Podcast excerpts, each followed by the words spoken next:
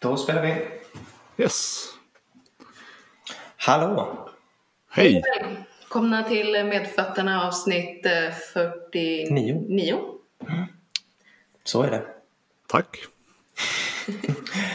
Fredrik är med på länk igen från Lund och vi andra sitter i Karlskrona.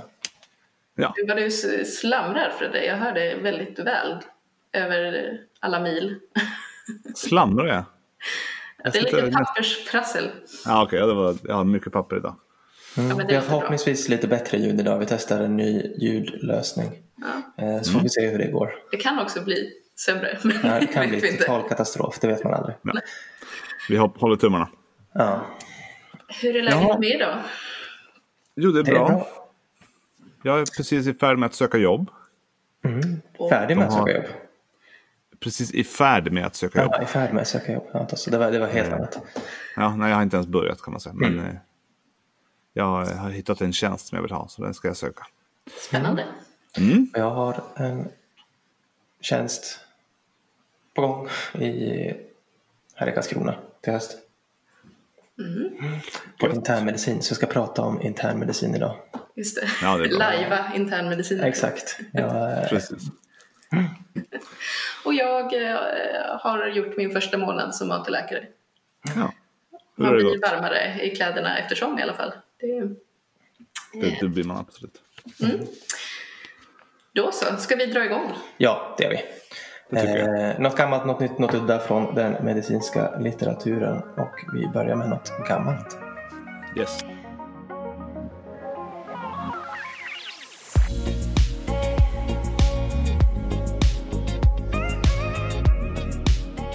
Ja, då ska vi börja med någonting väldigt gammalt. En studie från 1952 som är skriven av en och endast en forskare.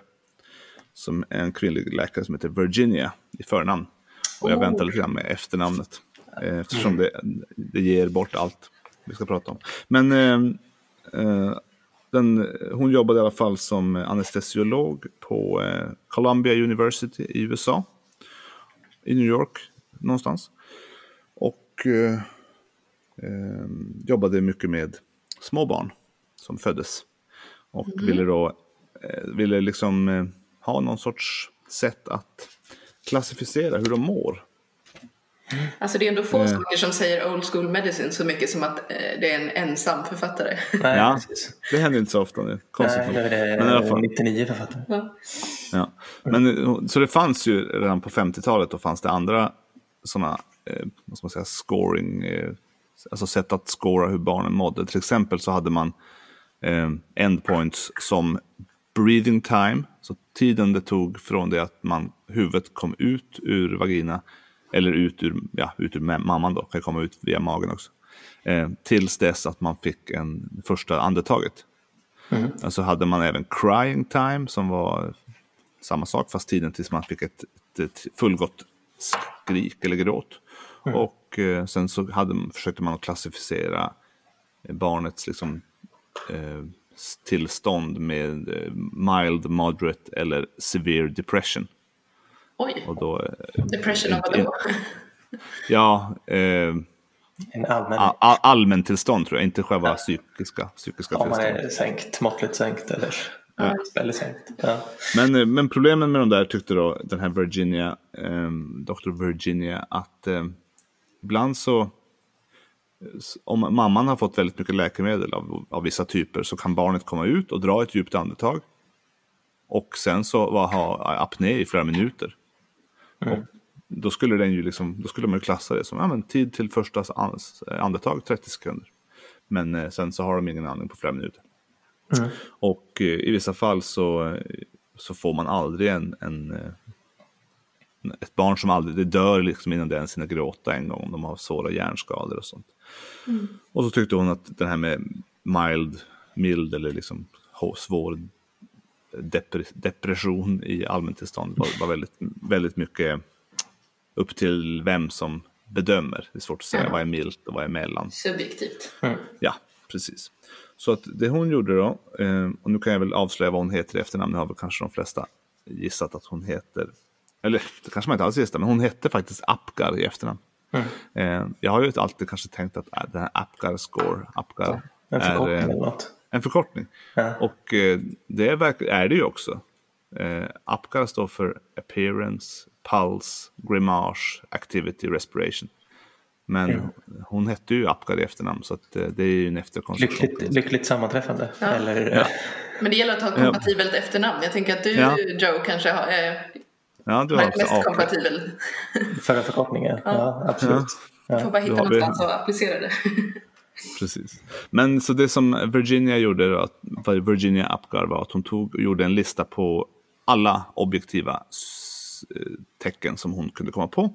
Som man kunde se hos ett barn. Och sen så försökte hon komma på vilka som gick att s- vilka som gick att scora, eller vad heter det, vilka som gick att bestämma en score på utan att, utan att ställa till det för mycket, för mycket problem för den som skulle ta hand om barnet. Man kunde liksom inte, ja, det fick inte vara för krångligt. Och då kom hon fram till en lista med fem stycken. Då. Det blev de här APG och R. Um, den viktigaste enligt Virginia är ja, heart rate, alltså hjärtpulsen. Och eh, det tycker hon är den viktigaste diagnostiska och prognostiska tecknet. Då tittar hon på, för att få, för att få fullt på Apgar så ska man då få, det är fem delmoment, man kan få 0, 1 eller 2 poäng. För att få fullt så måste man då ha två på allting och på den här måste man ligga mellan 100 och 140 eh, för att få en tvåa.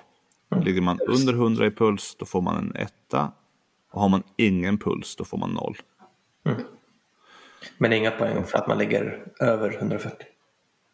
Nej, det, det, hon beskriver här att i, i deras studie när hon tog fram den här då, då, då hade hon eh, under sju månader höll hon på med det här på ett sjukhus som heter Sloan Hospital for Women.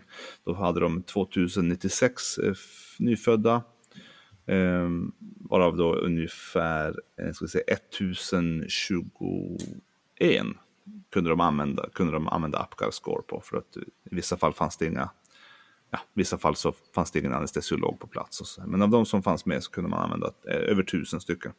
Gjorde man de här testerna på. Och ehm, eh, då så, såg man i tre av de fallen så var det en, eh, hade barnet en puls på över 140. Och i två av, två av dem så var det eh, på grund av arytmi. Men eh, då tyckte de ändå att hon skriver så, I was puzzled as to the proper way to rate this in these patients. Hon visste inte, ska man, ska man då få minuspoäng för att man har arytmi eller för mycket puls? Men eh, de, de, hon bestämde det där att de, de får också två poäng. Och eh, hon har tolkade det då... utanför. Eh, Ja, de, hon tolkade det som att det var läkemedelsinducerade. De hade fått en överdos av eh, någon vasopressor. På grund av att mamman hade fått, eh, hade fått den. Då. Så då tyckte de att det var okej. Jaha, det var, det var den ena poängen. Sen nummer två är eh, respiratory effort. Så det är liksom hur eh, bra andas, andas barnet. Eller Ja, andas det och skriker, det är liksom två poäng. Har man eh, eh, grundandning, bara liksom lite så dålig andning får man ett poäng. Och andas man inte alls får man noll poäng. Ehm, detta, det rä- om man då, i fallet när man eh, andas en gång och sen slutar andas, då får man också noll poäng. För att man gör ju det här Apgar efter en minut. Så att om man nu andas efter 30 sekunder så är det ingen som så att säga räknar det. Man väntar Nej. tills det har gått en minut, sen gör man Apgar första gången. Då kommer man runt där med apnén. Precis. Och sen på trean så försöker man reta barnet lite grann, men stimulerar till exempel med att man suger lite med en sug i orofaryngx eller ja, håller på att reta dem så. Och då vill man att de ska grimasera och nysa och hosta och så. Och gör man det fullt ut så får man två poäng. Och gör man inget, är man helt, helt oirritabel så får man noll poäng. Och eh, sen skriver hon att eh, ibland så ser man att barnet kissar och bajsar spontant när man retar dem. Och det är inte eh, det är inte liksom ett krav, men det är considered favorable, favorable om de gör det. Ja, Okej, det är ändå, det är ändå positivt. Ja. Ja, Svårt att veta. ja, precis. Det Ja, var verkligen 50-50 där. ja de spänner väl hela kroppen tänker jag och det är väl bra. Eh, Den fjärde det är muskeltonus och det är, sam, det är då två poäng om man är helt, helt spänd och håller emot när man, alltså man drar ihop, eller man, barnet drar ihop armarna och benen och ligger som en liten groda. Dra, Försöker man dra ut benen så håller de emot. Och är de helt slappa så man bara lyfter upp och släpper ner så är noll poäng. Och däremellan kan man väl vara halvt slapp. Mm. Och den sista är färgen. Och eh, det beskriver Virginia Apgar som the most unsatisfactory sign och det, den som har me- vållat mest diskussion. Och det är väl just det där med färg. För att få två poäng så måste hela barnet vara, hela barnet vara rosa. Mm. Eh, Det är det och, inte många alltid ändå, eller jag vet inte. Nej, hon beskriver då dels, jag fick lära mig på, på KK att man kan inte få 10 10 i Apgar på första mätningen. Nej, precis. Eh, hon beskriver att i sin studie att det fanns det fanns några, ett fåtal som, hade, som fick det, efter, alltså, som var helt rosa efter en minut, men eh, att eh, väldigt få. Och i många fall så var de ju blåa om, om extremiteterna fast att de hade fått jättemycket syrgas och, mådde, och hade liksom bra syresättning, men ändå var de blåa, så det var konstigt nog. Och då får de ju ett poäng då, så att om är man rosa på kroppen men blå på händerna, då får man ett poäng. Men eh, så jag vet inte, har ni också fått lära er det att ett, man kan, man, man kan som fall. bäst få 9, 10, 10 då? Jo, men att det är sällsynt. Eller att, ja. Ja. Ja, jag var med på ett när barnet var helt eh, rosa, men det tror man mest bara för att barnet hade varit så stressat så att det var redan igång. Liksom. alltså, så det var ju kanske inte positivt heller. Det var liksom väldigt rödrosa när det kom ut. Ja, okej. Och det var kejsarsnitt också så jag vet inte riktigt skillnaden där. Mm. Men eh, hallå, vi- A, första A tog ju det. Eller? Det första, eh, det första A, A1 var appearance skin color. Så att jag, Jaha, eh, ordning, ordningen, som, ordningen som Dr. Virginia tog det i är ju inte, stämmer inte in på hennes efternamn. Det tror jag är någon annan som kanske har bestämt i efterhand. Nej. Eh, eller hittat på. Det är absolut en efterkonstruktion. Men eh, det som Virginia eh, gjorde då var att ta fram de här fem, eh, fem eh, punkterna och eh, tyckte att man skulle, göra det efter, man skulle göra detta efter en minut. Det var hennes förslag i den här studien. Jag sa inte vad studien hette, men det kan jag ju nämna. Den heter eh, A Proposal for a New Method of Evaluation of the Newborn Infant från 52. Alltid kul att läsa så ett, ett förslag och sen när någonting är så man vet med facit i hand att det används Att i hela helt, världen liksom, hela tiden. Vedertaget, ja. Ja, så det, men då var det ju bara ett förslag, för det fanns det ju Ja. andra som, inte, som var kanske det som användes.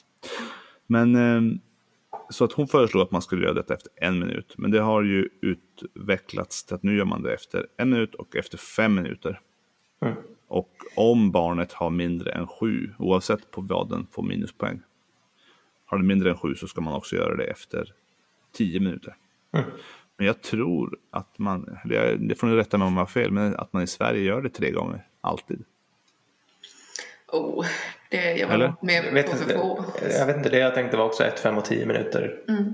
Ja, Men det kanske bara var ett tentasvar eh, Men eh, i huvudet. vet faktiskt inte. och det, jag tror att det, alltså i USA så säger man en minut och fem minuter och sen så om de har mindre än sju så får de eh, vid tio minuter.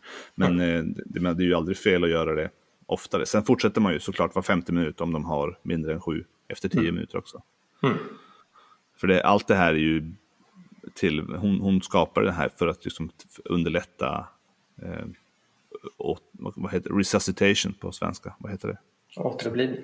Ja, återupplivning eller liksom Men man ska liksom få koll på vilka barn som behöver hjälp helt enkelt. Ja, det är väl någon sorts ABCDE fast för, för små barn. Ja, kombi- kombinerat ABCD och kanske news också. Ja, ja precis. Den, mer. men den, den funkar ju kanske inte på vuxna så bra som på små nyfödingar. Mm. Men det är något som ändå används vitt och brett och eh, upptäcktes, eller upptäcktes, bes- beslut, bestämdes av en ensam anestesiolog i USA för 70 år sedan snart. Men då hade hon innan liksom ett ganska stort material med alla de här födslarna och, och visste då att ja, men om pulsen är under typ det här så går det sämre.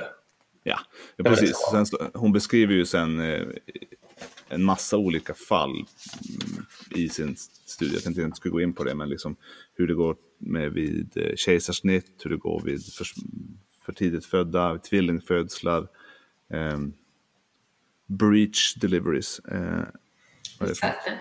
Är det säte, ja. Och eh, hon, hon testar lite olika, eller testar, hon, hon testar sin Apgar score på en massa olika varianter. Mm. Och eh, visar att den funkar. Den bästa, den, den som får högst, eh, högst Apgar är Mm. den barnet som föds vaginalt med eh, occiput, alltså nacken först, alltså Mm. baksidan på huvudet först. Då, då, eh, det verkar vara liksom det bästa sättet om man ska få höga Apgar score.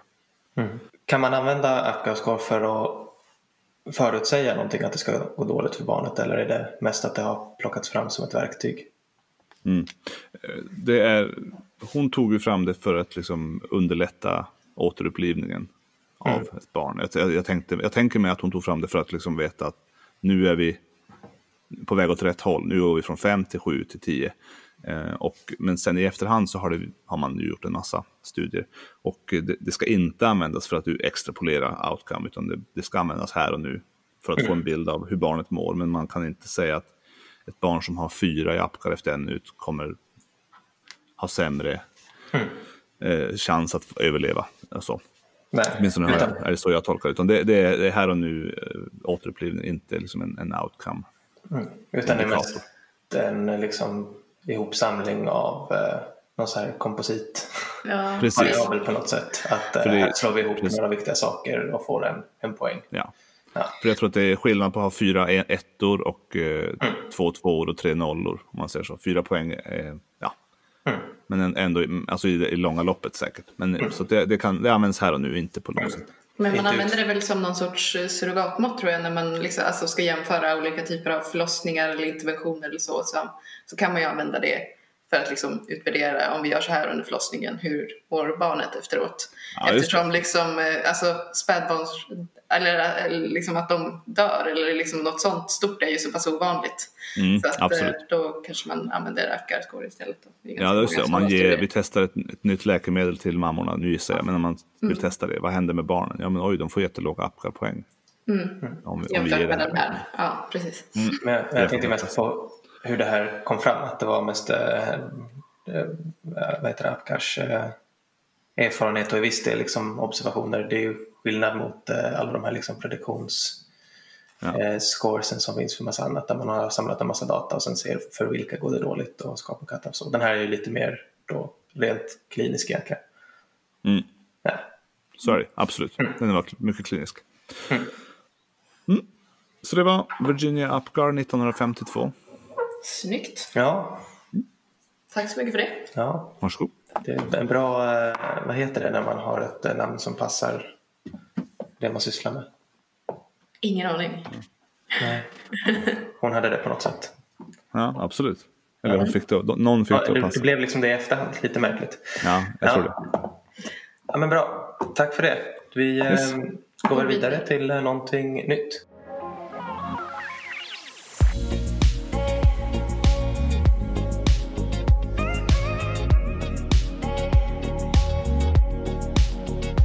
Kör vi igång med någonting nytt och jag har utlovat internmedicin. Och inte covid. Va, inte covid. Eh, vi frångår eh, eh, covid idag. Ja, tack. Eh, det kändes så. Eh, ja, jag tycker vi gör det. Men internmedicin har jag eh, utlovat och det ska bli internmedicin. Det ska bli eh, kanske det mest internmedicinska jag kan tänka mig. Eh, vår vanligaste arytmi. Oregelbundet oregelbunden. Ja, Regelbundet förekommande förmaksflimmer. ja. Mm. Ska jag prata om. okej. Det känns som det mest internmedicinska jag kan tänka mig. Ja, det är tillsammans med hjärtsvikt, tänker jag. Ja, precis. Very klassiskt. Eh, tänker jag. Ja, och kort om förmaksflimmer. Eh, man har ju då en trigger någonstans i förmaken, vanligtvis uppe vid lungvenerna. Eh, som skjuter av signaler. Och om det dessutom finns ett substrat, det vill säga lite defekta hjärtmuskelceller här och där kan det bli rundgångskretsar så man får ett förmaksflimmer. En oregelbunden snabb puls. Eh, ungefär så. Någonting tänker jag. Och risken med förmaksflimmer mm. när det går fort och oregelbundet så får man ett ineffektivt arbete i hjärtat. Så man kan få ett lågt blodtryck, nedsatt ork, yrsel, eh, hjärtkemiska besvär och så kan även blodet stå stilla, levra sig och man får en risk för stroke. Mm. Och det är vanligt. Eh, en ganska nylig, eh, eller den är några år gammal, eh, prevalensuppskattning med EKG-screening i Sverige bland 75-åringar visar ungefär 12 procent prevalens. Mm. När man gör regelbundna, eller där, där mätte de ganska eh, rejält då med EKG. Eh, med kontinuerliga övervakningar för att se om folk hade förmaksflimmer eller inte. Mm. Och förmaksflimmer det kan ju då vara paroxysmalt. Eh, att det sker i episoder och sen går över av sig självt inom sju dagar. Då heter det paroxysmalt. Persisterande när det håller i sig över sju dagar. Eh, och då permanent är också någon slags benämning där man har gett upp på rytmkontrollen. Att man försöker inte konvertera längre. Exakt. Ja, det där tycker jag är luddigt när man ger upp och inte. Alltså... Ja, för permanent ska i alla fall enligt uh, up to date verkligen vara när man uttryckligen, läkare och patient har kommit överens om att man inte ska. Ja, alltså.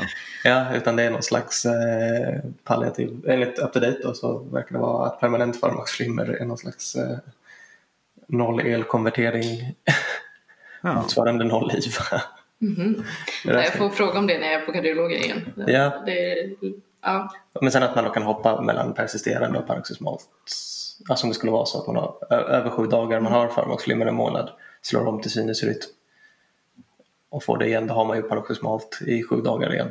Jag tycker man verkar ju mest utgå ifrån om folk har symptom från sitt förmaksflimmer eller mm. inte också, om man ska försöka göra något åt det eller inte. Jo, man ska göra något åt det, absolut. Mm. Precis. Mm. mm. Eh, riskfaktorer för eh, förmaksflimmer. Eh, hypertoni, högt blodtryck och hypertensiv hjärtsjukdom. Kemisk hjärtsjukdom och klafffel. Och ni kanske märker att det är exakt samma riskfaktorer som för hjärtsvikt. Mm. Eh, och hjärtsvikt i sig är ju en riskfaktor för förmaksflimmer och förmaksflimmer är en riskfaktor för hjärtsvikt och så snurrar det runt i någon slags eh, cirkelresonemang där. Mm. Eh, andra riskfaktorer, eh, man vill ju alltid kolla sköldkörtelstatus när folk har nydebuterade förmaksflimmer för hypotyreos kan ju ge upphov till förmaksflimmerepisoder. Just det. Genom då sympaticus stimulering. Eh, och då ja, ökad risk för att, eh, överledningen, att det blir fel i överledningen helt enkelt. Eh, har ni några fler riskfaktorer på lut för förmaksflimmer? Nu har jag tagit de vanliga, det var lite taskigt. Stor, stort hjärta. Ja, precis. Ja, men det är väl ungefär tanken. Ja, men det är ju tanken med, ja. Och det är ju lite det som sker vid de här andra också. Alltså hjärtsvikt och att det blir dilaterat. Mm. Men menar du hypertrofi eller? Ja, jag vet faktiskt inte. Nej, jag tänkte mest eh, ja, någon hypertrofi. Mm. Mm. Fler riskfaktorer? Jag tänker, men eh, jag vet inte. Jag tänker att myokardit och sånt där mm. ökar risken också. Med Absolut. Och... Alla infektioner. Då får man ju på något sätt mer substrat, alltså det som ska, tänker jag, att eh, det kan bli en, en krets av sig själv där uppe på något sätt. Gissar men, ja, men även eh, infektion i, i kroppen, i resten av kroppen kan väl vara en eh, ökad risk? Men på något sätt allting som ger myokardskada också. Alltså som ger ärrbildning och ger... Ja. Mm. Ökar är väl i alla fall arytmogent på något sätt. Mm. Ja. Vilket fint ord jag använder, arytmogent, jag vet inte. ja. Mm. Riskfaktorn jag ska prata om idag är eh, alkohol. Mm, just det. Eh, som är ganska vedertagen ändå som risk eh, för att man utvecklar förmaksflimmer i tidigare studier där man sett att framförallt då att hög alkoholkonsumtion ökar incidensen av förmaksflimmer. Men i, att man i större studier då med metaanalyser sett att det verkar vara ganska dosberoende. Alltså att även i lägre, så ökar du din, lägre alkoholkonsumtion så ökar du din risk lite grann. Mm. Men det finns, det fanns nästan ingen data på när man väl har förmaksflimmer. Hjälper det att sluta dricka alkohol? Mm. Det förvånar mig. Har, om man har permanent eller persisterande, alltså någon av dem där? Ja, precis. Om man, om man säger att man har förmaksflimmer-episoder då, då hjälper det om man mm. slutar eh, dricka alkohol. Mm, det... Jag tänker att eh, alltså, om man tänker gruppen högkonsumenter mm. av alkohol så det, de är ju en svårstuderad eh, grupp av naturliga anledningar också. Alltså, det kan vara svårt att göra lång follow-up på någon mm. som har liksom ett alkoholberoende. Sen kan man ju såklart eh, studera även de som har en liksom, måttlig alkoholkonsumtion också och se vad som händer där. Det är mm. ju sant. Mm. Ja. Och eh, när man frågar patienter själva i andra studier som har gjorts innan vad som har varit triggers för deras episoder med förmaksflimmer så var alkohol bland de vanligaste. Om inte den absolut vanligaste, att det var en 35 procent angav att det har varit en trigger för att de ska ha fått en förmaksflimmer-episod. Mm. Mm. Och andra då var koffein och, och träning och sömnbrist angavs då. Mm. Ja, så, men det här är en studie från Australien eh, som publicerades i New England Journal of Medicine 2020. Eh, Bosco, Boynock och et al. Alcohol abstinence in drinkers with atrial fibrillation. Där man försöker svara på frågan om hjälper det att sluta med alkohol eh, för att minska bördan av sitt farmakflimmer. Mm. Eh, så vad man gjorde då var, det är en randomiserad kontrollerad studie till och med. Eh, vilket är ambitiöst med tanke på vad man mm. försöker studera. Mm. Eh, där man inkluderade personer som var mellan 18 och 85 år med symptomgivande förmaksflimmer och man skulle ha haft två eller fler episoder eh, inom de sex månaderna före man inkluderades. Eh, så ändå, ja, symptom av sitt förmaksflimmer vid två tillfällen de sista sex månaderna. Mm. Eh, eller att man då har persisterande förmaksflimmer som var symptomatisk innan, innan, innan studien startades. Mm. Mm. Ja. Man skulle också då ha en regelbunden alkoholkonsumtion på 10 eller fler standardenheter i veckan. Okej. Okay. Ganska mycket. Uh-huh. Ja, ganska mycket. Det är ju, går ju upp mot, eh, för det är 14 standardenheter i veckan för män som är jag funderar på kvinnor, är inte nio de ska ha Det är nio, ja. Mm. Så hur ska de kunna bli, då måste man vara överkon, högkonsument, eller överkonsumera för att bli med som kvinna. Ja, det verkar så. Det, vad jag kunde se var det inte någon uh, skillnad där. I, um... ah. Men där är ju skillnad internationellt också. Det är ju väldigt flytande vad man har satsat på överkonsumtion och mm. ja, okay. i vissa länder skiljer man inte ens på kvinnor och män. Så heller. Mm. Så att, okay. jag tror att det blir 10 är väl ett bra mittemellanmått kanske om man ska använda något. Mm, det är nog så man har resonerat. okay. eh, man blir då exkluderad om man har ett alkoholberoendesyndrom. Så att det har liksom negativ påverkan på ditt Ja, liv. man ska ju, precis. Och uppfylla de här DSM-kriterierna. Exakt, mm. då blir man exkluderad. Eh, mm. Så det skulle inte vara någon som var beroende av alkohol. Som ehm, man blev även exkluderad av samma anledning om man hade eh, psykiatrisk samsjuklighet. Eh, gissar jag för att mm. eh, ja, då finns det ju en, en, en risk för beroendesyndrom som komorbiditet till mm. psykiatrisk samsjuklighet. Gissar jag är tanken där. Och om man eh, hade en eh, hjärtsvikt med ejektionsfraktion under 35 procent fick man inte heller vara med. Mm -hmm. Så det är patientgruppen och de här personerna randomiserades då till antingen abstinens eller fortsätt som vanligt. Så ingen alkohol alls eller fortsätt som vanligt. Okay. Eh, och precis när man inkluderade så var det först en fyra veckors period där de höll lite koll på deltagarna. Att de fick fylla i sin veckokonsumtion i en kalender, hur mycket de drack. Eh, så man kunde se att det här skulle funka. Mm. I en, ja. Då är det inte blindat för man märker ju om man dricker eller inte så att säga. Nej precis, blindat, nej precis. Det går inte. Ja. Inte blindat för deltagarna. Eh, har ni hört begreppet alkonacka? För? Jag har sett det någonstans. Som en eh, almanacka för alkohol? Ja, Nej. jag har sett det någonstans när, eh, ja, i samband med eh, ja, när man pratar om eh, behandling av alkoholberoende. Att det är alkonacka. Dagens ord. ja, och vid stud- studiens start så var alla i sinusrytm. Just det, så de var inte kroniska? Nej, man kunde haft persisterande symptomatisk förmaksflimmer innan men man var i sinusrytm vid studiens start. Och såklart hade ingen liksom, någon plan på att bli abladerad eller på något sätt eh, göra något sånt med sitt förmaksflimmer under studietiden. Okej. Och eh, den pågick sen i sex månader.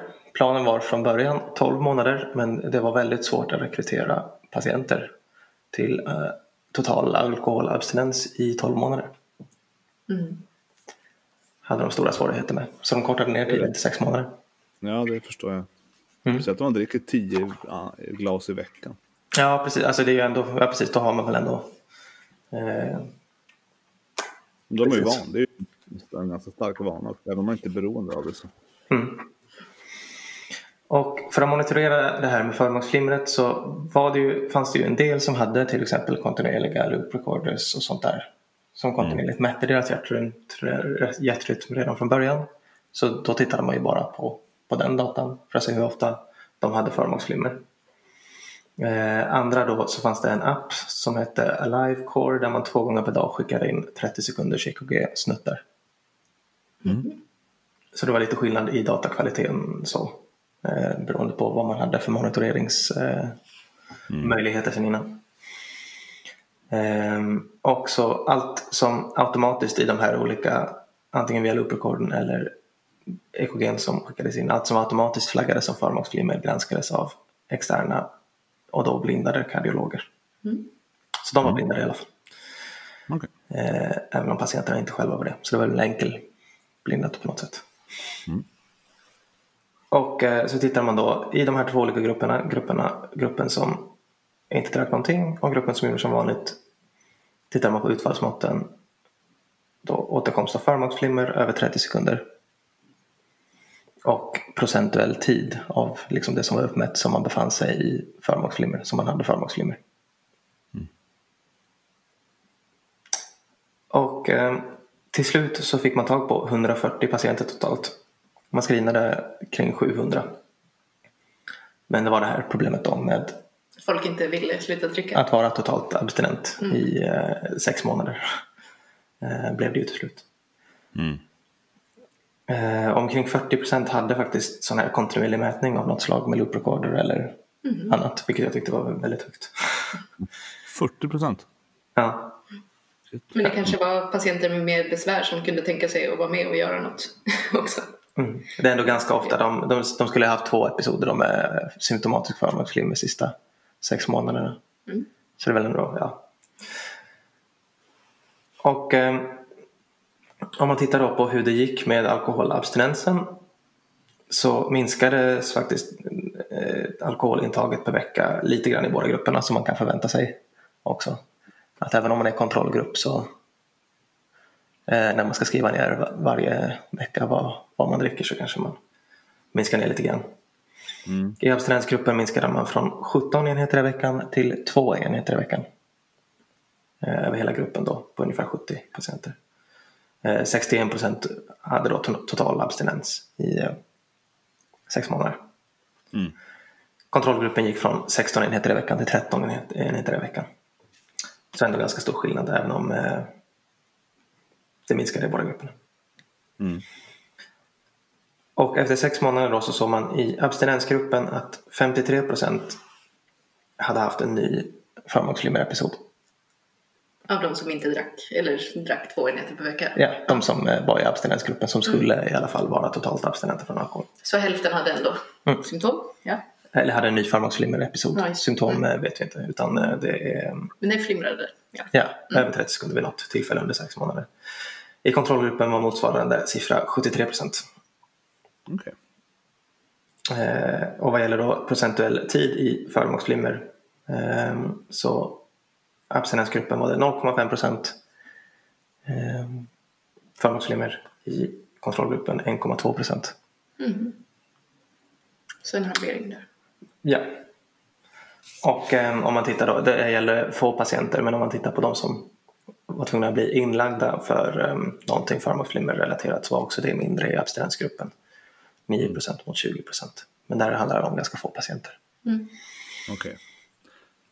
Men skillnaden på eh, första siffran du pratade om, den mm. var signifikant? Precis, både för um, tid i uh, förmaksflimmer och procentuellt och uh, för uh, återkomst av förmaksflimmer överhuvudtaget. Mm. Uh, okay. Så minskar man risken med total alkoholabstinens. Mm. Eh, och sen när man försökte dela upp det här också eftersom man hade eh, alkoholhistoriken eh, där på de här så försökte man dela upp det i efterhand då en post hoc-analys på ja, de som drack en till nio enheter per vecka då, jämfört med de som drack över tio. Mm. Jämfört med de som slutade helt. Eh, och jämfört med de som inte drack helt så såg man också där en ganska rejäl riskökning för återkomst av förmaksflimmer både vid 1 till 9 enheter och vid över 10 enheter. Mm. Men hasardkvot på ungefär 2 på båda. Mm. Men vad, vad, tänker man liksom är mekanismen där, att man flimrar av alkohol egentligen? Eh, det verkar vara lite blandat. Eh, att har direkta effekter på eh, överledningen eh, i, i hjärtats muskelceller på något sätt. Eh, och sen att man också har autonoma effekter med eh, lite sympaticus påslag. Eh, även ganska direkt när man dricker alkohol. Mm. Som kan ge ökad risk för, för, för förmaksflimmer. Okay. För man tänker ju också att det skulle vara risk liksom att om man, om man är van att dricka riktigt mycket alkohol och sen blir eh, abstinent också. Men, ja. ja, och det diskuterar de lite grann här också. Och de diskuterar faktiskt också um, vilket jag tyckte var lite, eh, lite konstigt ändå att de diskuterar att det man har sett i populations, på populationsnivå att lätt till måttlig alkoholkonsumtion kan ha positiva kardiovaskulära effekter. Mm. Det diskuterar de att man kanske ska vara försiktig med total abstinens därför. Jaha, ja, för det är ju lite tveksamt nu. Va? Ja, det är... jag kände också personligen lite, ja. Sen tar de också upp att de som var i abstinensgruppen gick också ner i vikt lite grann. Mm. Eh, när de slutade dricka över 10 enheter alkohol i veckan som man kan förvänta sig eftersom det är kaloritätt. Eh, och eh, att det också kan kanske bidra lite grann för att fett kring hjärtat, epikardialt fett, är i sig proarytmiskt. Mm. Ja. ja. Och det finns en jättebra reviewartikel på samma ämne av samma författare som heter Alcohol and Atrial Fibrillation A Sobering Review av mm. Vosko Bojnik som mm. verkar vara eh, en riktig expert på det här. Ja. Mm. Cool. Men eh, ja, så det kanske man ska kan fundera på att förorda. Eh, jag vet att man, eller jag tycker man i alla fall stöter på det ibland, att eh, förmånsflimmer episoder som debuterar efter man har tagit något glas vin eller så. Mm, absolut. Kvällen innan eller något sånt. Och då har jag faktiskt stött på att få frågan också om det är någonting som som ökar risken för att man ska få en ny episod. Mm. Ja, men det är jättebra. Och då har man ju lite stöd här, vilket jag var förvånad över att man inte hade innan. Ja, ja men det är ju bra att kunna dela med sig av. Mm. Just det. Men då kan man ändå säga, även om de inte vill sluta helt så kan det löna sig att dra ner på. Ja, det verkar ju så också. Mm. Eftersom det finns lite sådär, ehm, ja, redan till 1 till 9 enheter i veckan så har man en mm. riskökning mot... Eh, Just det. Mm. Ja, jättebra. Tack för det. Ja, det var det nya. Ja, det var det. Verkligen nytt. Ja, och inte covid-relaterat. Okej, men då kör vi kanske något covid på udda, eller? Nej, faktiskt inte här heller. Så vi... Det blir ett helt covid-fritt avsnitt. ja. Ja, vad skönt. Ja, Då går vi till eh, kvällens, eh, eller dagens sista studie här då. ja. Yeah. udda.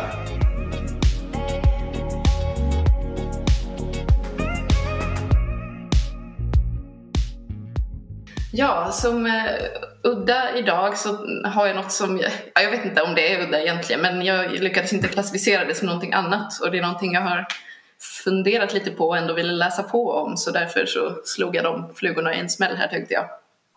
Mm. Eh, och det här är någonting som i alla fall jag då som eh, eh, ung vuxen kvinna har sett flimra förbi i olika sociala medier-flöden som jag tänkte att det var värt att kolla lite närmare på.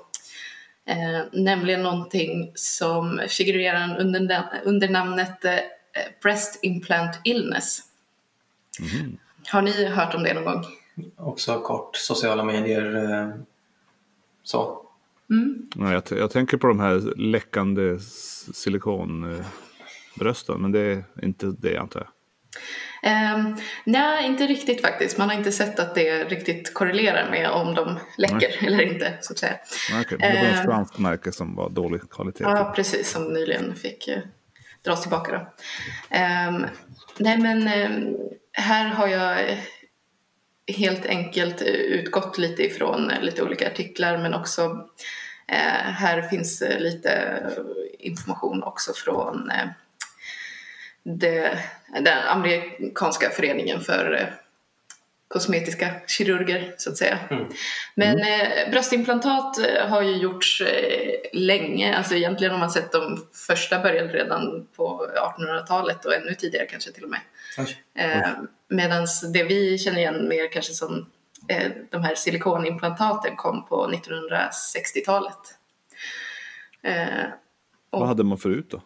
Ja, men man, eh, alltså i början gjorde man kanske mer att man tog som man eh, gör i andra ingrepp, att man tar fett från någon annanstans Ja. på kroppen eller att man eh, kanske flyttar lite muskler. Så det var ju mer liksom, det var inte ett implantat på det sättet utan Nej. men, eh, bröstförstorande ja, kirurgi. Mm. Eh, och det har man, det är ju eh, både liksom eh, inom och, liksom mer offentlig vård och inom eh, privat vård med ren kosmetisk eh, indikation. Men det finns ju också eh, den här rekonstruktiva kirurgin efter mastektomi till exempel. Eh, och jag har försökt hitta siffror på det här. Det finns ett register nu i eh, Sverige som eh, heter BRIMP tror jag. Där man eh, registrerar alla bröstimplantat eh, som sker i, i, i Sverige. Och eh, ja, på deras hemsida här så kan man ju läsa då att eh, sedan BRIMP startades 2014 så finns i registret i alla fall eh, 1550 opererade patienter som fått implantat i samband med cancer och ungefär eh, 13 400 som fått bröstimplantat av utseendeskäl. Eh, och det är liksom, de eh, jobbar ju på att det här ska eh, utökas och vara, eh, att all, alla som sker ska registreras i det här registret. Då. Eh, Men, eh, och bröstimplantat, eh, det finns lite olika former och det finns eh, eh, olika material men framförallt är det då eh, nästan eh, alla då är det en eh, silikon, liksom, vad, vad ska man säga, kapsel eller liksom själva behållaren är av, någon, eh, är av silikon och sen fylls det då antingen med eh, sterilt koksalt eller med en silikongel då. Mhm. Det kan bara vara koksalt i dem också. Ja, precis. Och det, väl, det finns väl för och nackdelar med båda liksom. och så finns det lite olika uppbyggnad av de här eh, eh, koksaltsimplantaten. att det antingen är bara en säck så att säga eller så är det mer strukturerat att det, finns, att det är två olika Lite olika fack. Ja, precis. Men, eh, och fördelen med att ha koksalt då är ju att man kan göra ett mindre eh, eh, eh, snitt så att säga. Och så lägger man, liksom, pular man in den här själva behållaren och sen mm. eh, fyller den på plats. Eh, till skillnad från då, de med gel, då måste man ju liksom få in hela på en gång. Så att, mm. Eh, mm. Och sen, eh, jag är ingen plastikkirurg så det finns lite olika lägen man kan lägga eh, de här implantaten liksom, direkt under bröstkörtelvävnaden eller under liksom, olika lager där. Ovanför muskeln eller inuti muskeln eller under muskeln så att säga. Mm. Med lite olika för och nackdelar. Eh, men det som jag tänkte prata om nu finns det började diskussionen faktiskt redan på 90-talet eh, om eh, någon form av systemisk sjukdom som man eh, eh vissa kvinnor rapporterade då i samband med att de hade fått eh, eh, implantaten och där de har hittat att de, ja, det är det de anser är orsaken till de här symptomen. Mm. vilket faktiskt ledde till att man pausade silikonimplantat i USA på 90-talet ett tag till, och gjorde stora mm. reviews eh, kring det här. Eh, mm. Både i USA och, och eh, i Europa. Eh, men eh, man hittade ingen, liksom, ingen stor evidens för det och därför så återupptog man då de här implantaten. Och, men det bra det har lett till är väl att det nu är klassat som ett eh, typ av medical device som där man är skyldig att följa upp produkten och liksom mm. rapportera biverkningar. Och så. Precis, och företag kan inte ta fram vad som helst och äh, säga att det här är en, ett implantat. Ja men precis, för det, det finns ju den konflikten mellan att vissa medical devices att de inte äh, är under samma äh, liksom bestämmelser och strikta kontroll som läkemedel. Nej, precis. Mm. Så. Men i, det har liksom, eh, nu har den här Breast Implant Illness då fått en liten renässans så att säga. Eh, och det finns Facebookgrupper med upp mot 70-80 000 medlemmar kring de här. Mm. Eh, där man liksom eh, har frågor eller identifierar sig som eh, att man har den här sjukdomen då. Eh, och det är ju det är ingen officiell medicinsk diagnos men det är kvinnor som har fått eh, bröstimplantat. Det är främst kvinnor i alla fall. Sen står det i alla texter här, women, men ja, det finns ju flera kön och anledningar till att man har implantat vill jag bara smyga in. Mm. Eh, och eh, symptomen man beskriver är ofta eh, fatig, alltså trötthet, bröstsmärta, att man kanske tappar håret, ont i huvudet, eh, eh, ljuskänslighet, eh, smärta, kronisk smärta i hela kroppen men också ledsmärta och utslag och eh, liksom eh, eh, nedstämdhet och minnessvårigheter och sådär. Mm. Så väldigt liksom generella, diffusa. Li, lite diffusa symptom som såklart mm. kan vara associerade med sjukdom och som är eh, oavsett liksom förenade med lidande för eh, Eh, personen i fråga så att säga. Mm. Och eh, det här har ju, det skapar ju liksom många eh, ja, diskussioner så att säga som, som man hamnar i och frågeställningar som det finns ju eh, både historiska exempel och andra eh, sjukdomsexempel där det liksom eh, där det finns ett diagnosnamn som många, eller som där det finns individer som identifierar sig med det och upplever de här symptomen men där eh, den medicinska vetenskapen inte har kunnat visa på något samband. Eh, mm. Eh, och här så har jag utgått både ifrån en lite mer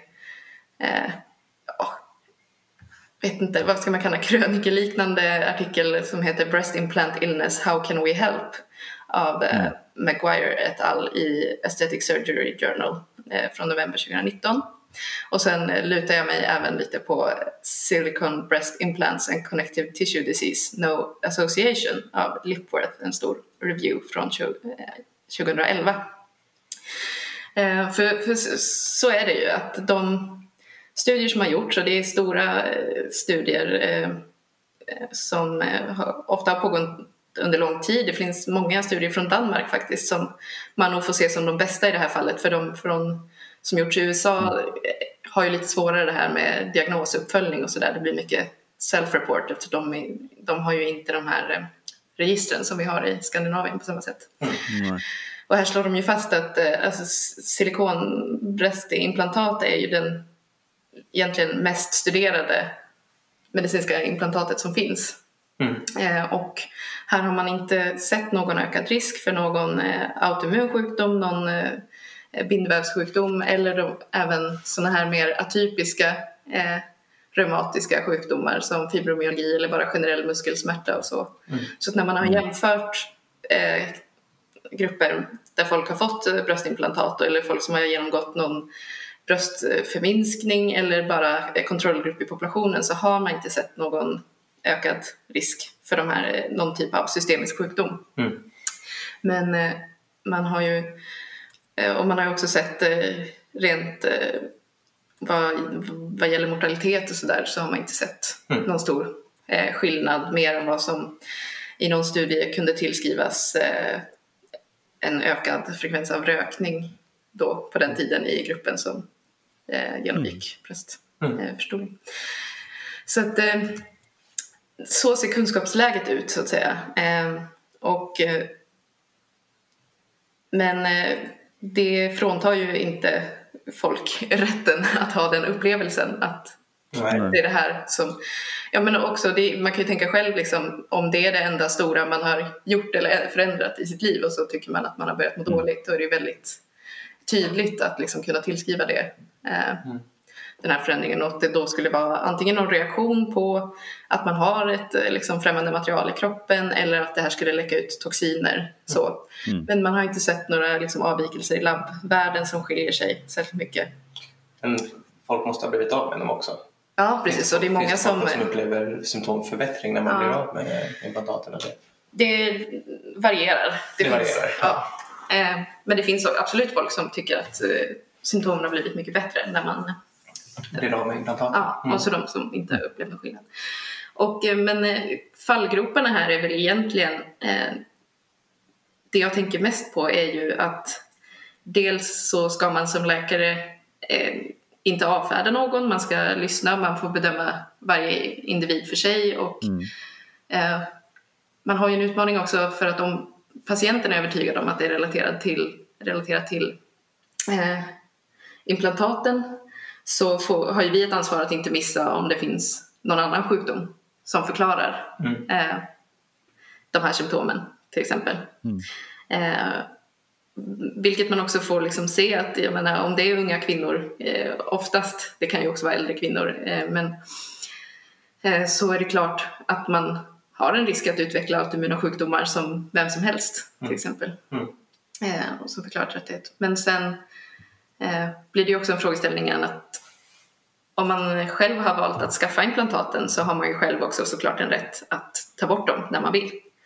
Eh, men frågan är ju, i Sverige blir det ju en fråga om vem som betalar och sådär. Eh, mm. Och det har jag faktiskt inte hittat något svar på hur man brukar göra. Och man får ju ändå se som att det här är, det är ovanligt. Om man tänker av alla kvinnor som genomgår de här ingreppen så är det inte så många. Men det är mer att eh, om man googlar på det så finns det eh, och många liksom, nyhetsinslag att det här drabbade mig och som vill varna andra och sådär. Det finns ju många liksom, etiska och filosofiska aspekter av skönhetsingrepp generellt. Men eh, det man också behöver varna för är ju att vissa läkare, särskilt i USA, har ju liksom då sett det här som en möjlighet att profitera lite. Mm. Mm. Att ja, eh, vi har det enda diagnostiska testet för det här och eh, vi, eh, jag är specialist på att ta bort det här på rätt sätt så att eh, sjukdomen försvinner och sådär. Ja. För att oavsett vad så om, om du gör ett till kirurgiskt ingrepp så har du en till eh, möjlighet att tjäna pengar på den personen. Ja, och, absolut, absolut. Eh, såklart också att ta bort implantaten tänker man, det är inte bara som att ja, men, eh, plus ett och minus ett är lika med noll utan då blir det ju faktiskt ett till kirurgiskt ingrepp med de riskerna mm. det också är förenat med. Mm. Så därför är det ju också viktigt att man inte ja, att det här inte blir, sprids på i onödan utan eh, att man eh, liksom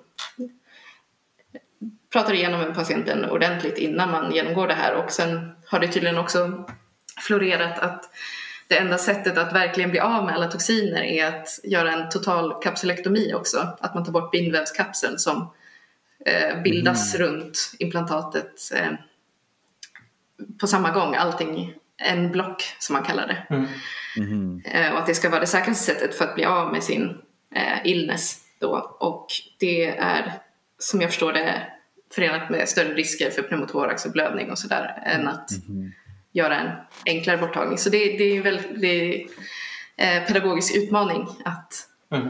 bemöta det. Ja, ja, men precis. Och eh, utan att eh, förlora ödmjukheten för att vi faktiskt inte vet allting heller. Mm. Det, men jag tycker sådana här frågeställningar generellt är liksom svårt därför att vad, vad är varje forskares respons på i, i ett sånt här läge när man inte riktigt när folk upplever någonting som man inte riktigt kan förklara?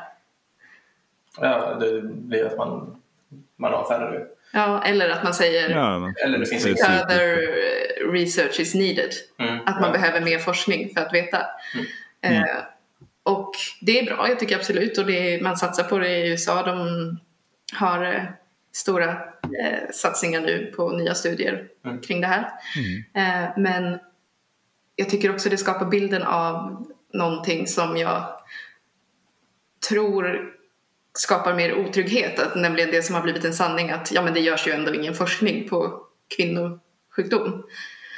Eh, som jag har hört många säga faktiskt, mm. att så här, ja men det är klart att det här, det vet man ju inte, det är underprioriterat för att det gäller kvinnors hälsa. Och mm. samtidigt som jag tycker att det är viktigt att man belyser att det har skett historiskt mindre forskning på kvinnors hälsa så är det också farligt att avfärda hur mycket forskning som faktiskt har gjorts mm. gällande det här mm. och som faktiskt eh, pågår angående eh, kvinnors hälsa. Mm. Så att, eh, ja, det kan bli en farlig sanning det också. Just det. Men eh, ja, det var mer en liten essä på något sätt. Ja. Ja. Man lär dig med något nytt. Ja. Mm. Men jag tänker att det, det är viktigt att eh, vi som yrkesgrupp också känner till det här så att man kan ge ett, ett bra bemötande helt enkelt. Mm. Eh, och sen ska jag ju nämna att det man faktiskt har hittat men som är väldigt svårt eh, Eh, är ju en li väldigt liten ökad risk för eh, något man kallar eh, anaplastiskt storcellslymfom i anslutning mm. till bröstimplantat. Mm. Men det är incidens på en på 70 000 till en på 500 000 kanske mm. och är oftast botbart och så vidare. Så Men eh, mm. det gör ju att det inte är det, men det blir ju all, det är ju aldrig okomplicerat med Nej. kirurgi på icke liksom, eh, sjukdomsindikation heller. Mm. Så, mm. men, ja. Det var svårt. Det ja. Supersvårt.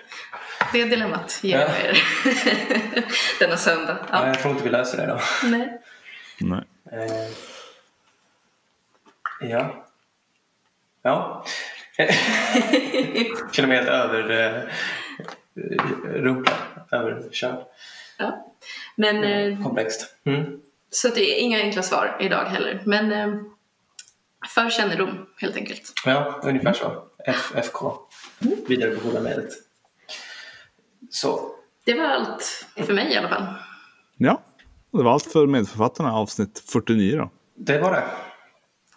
Eh... Vi fortsätter som vanligt om två veckor, avsnitt 50, någon sorts ja. jubileum. Det är min stolpe. Mm. Halvvägs Ja, det får man säga. Mm. Bra. Ja, det då får ni ha en ja. fortsatt eh, trevlig dag. Ja. Ja, detsamma. Ha det så bra. Ja, hej. Right. Hej.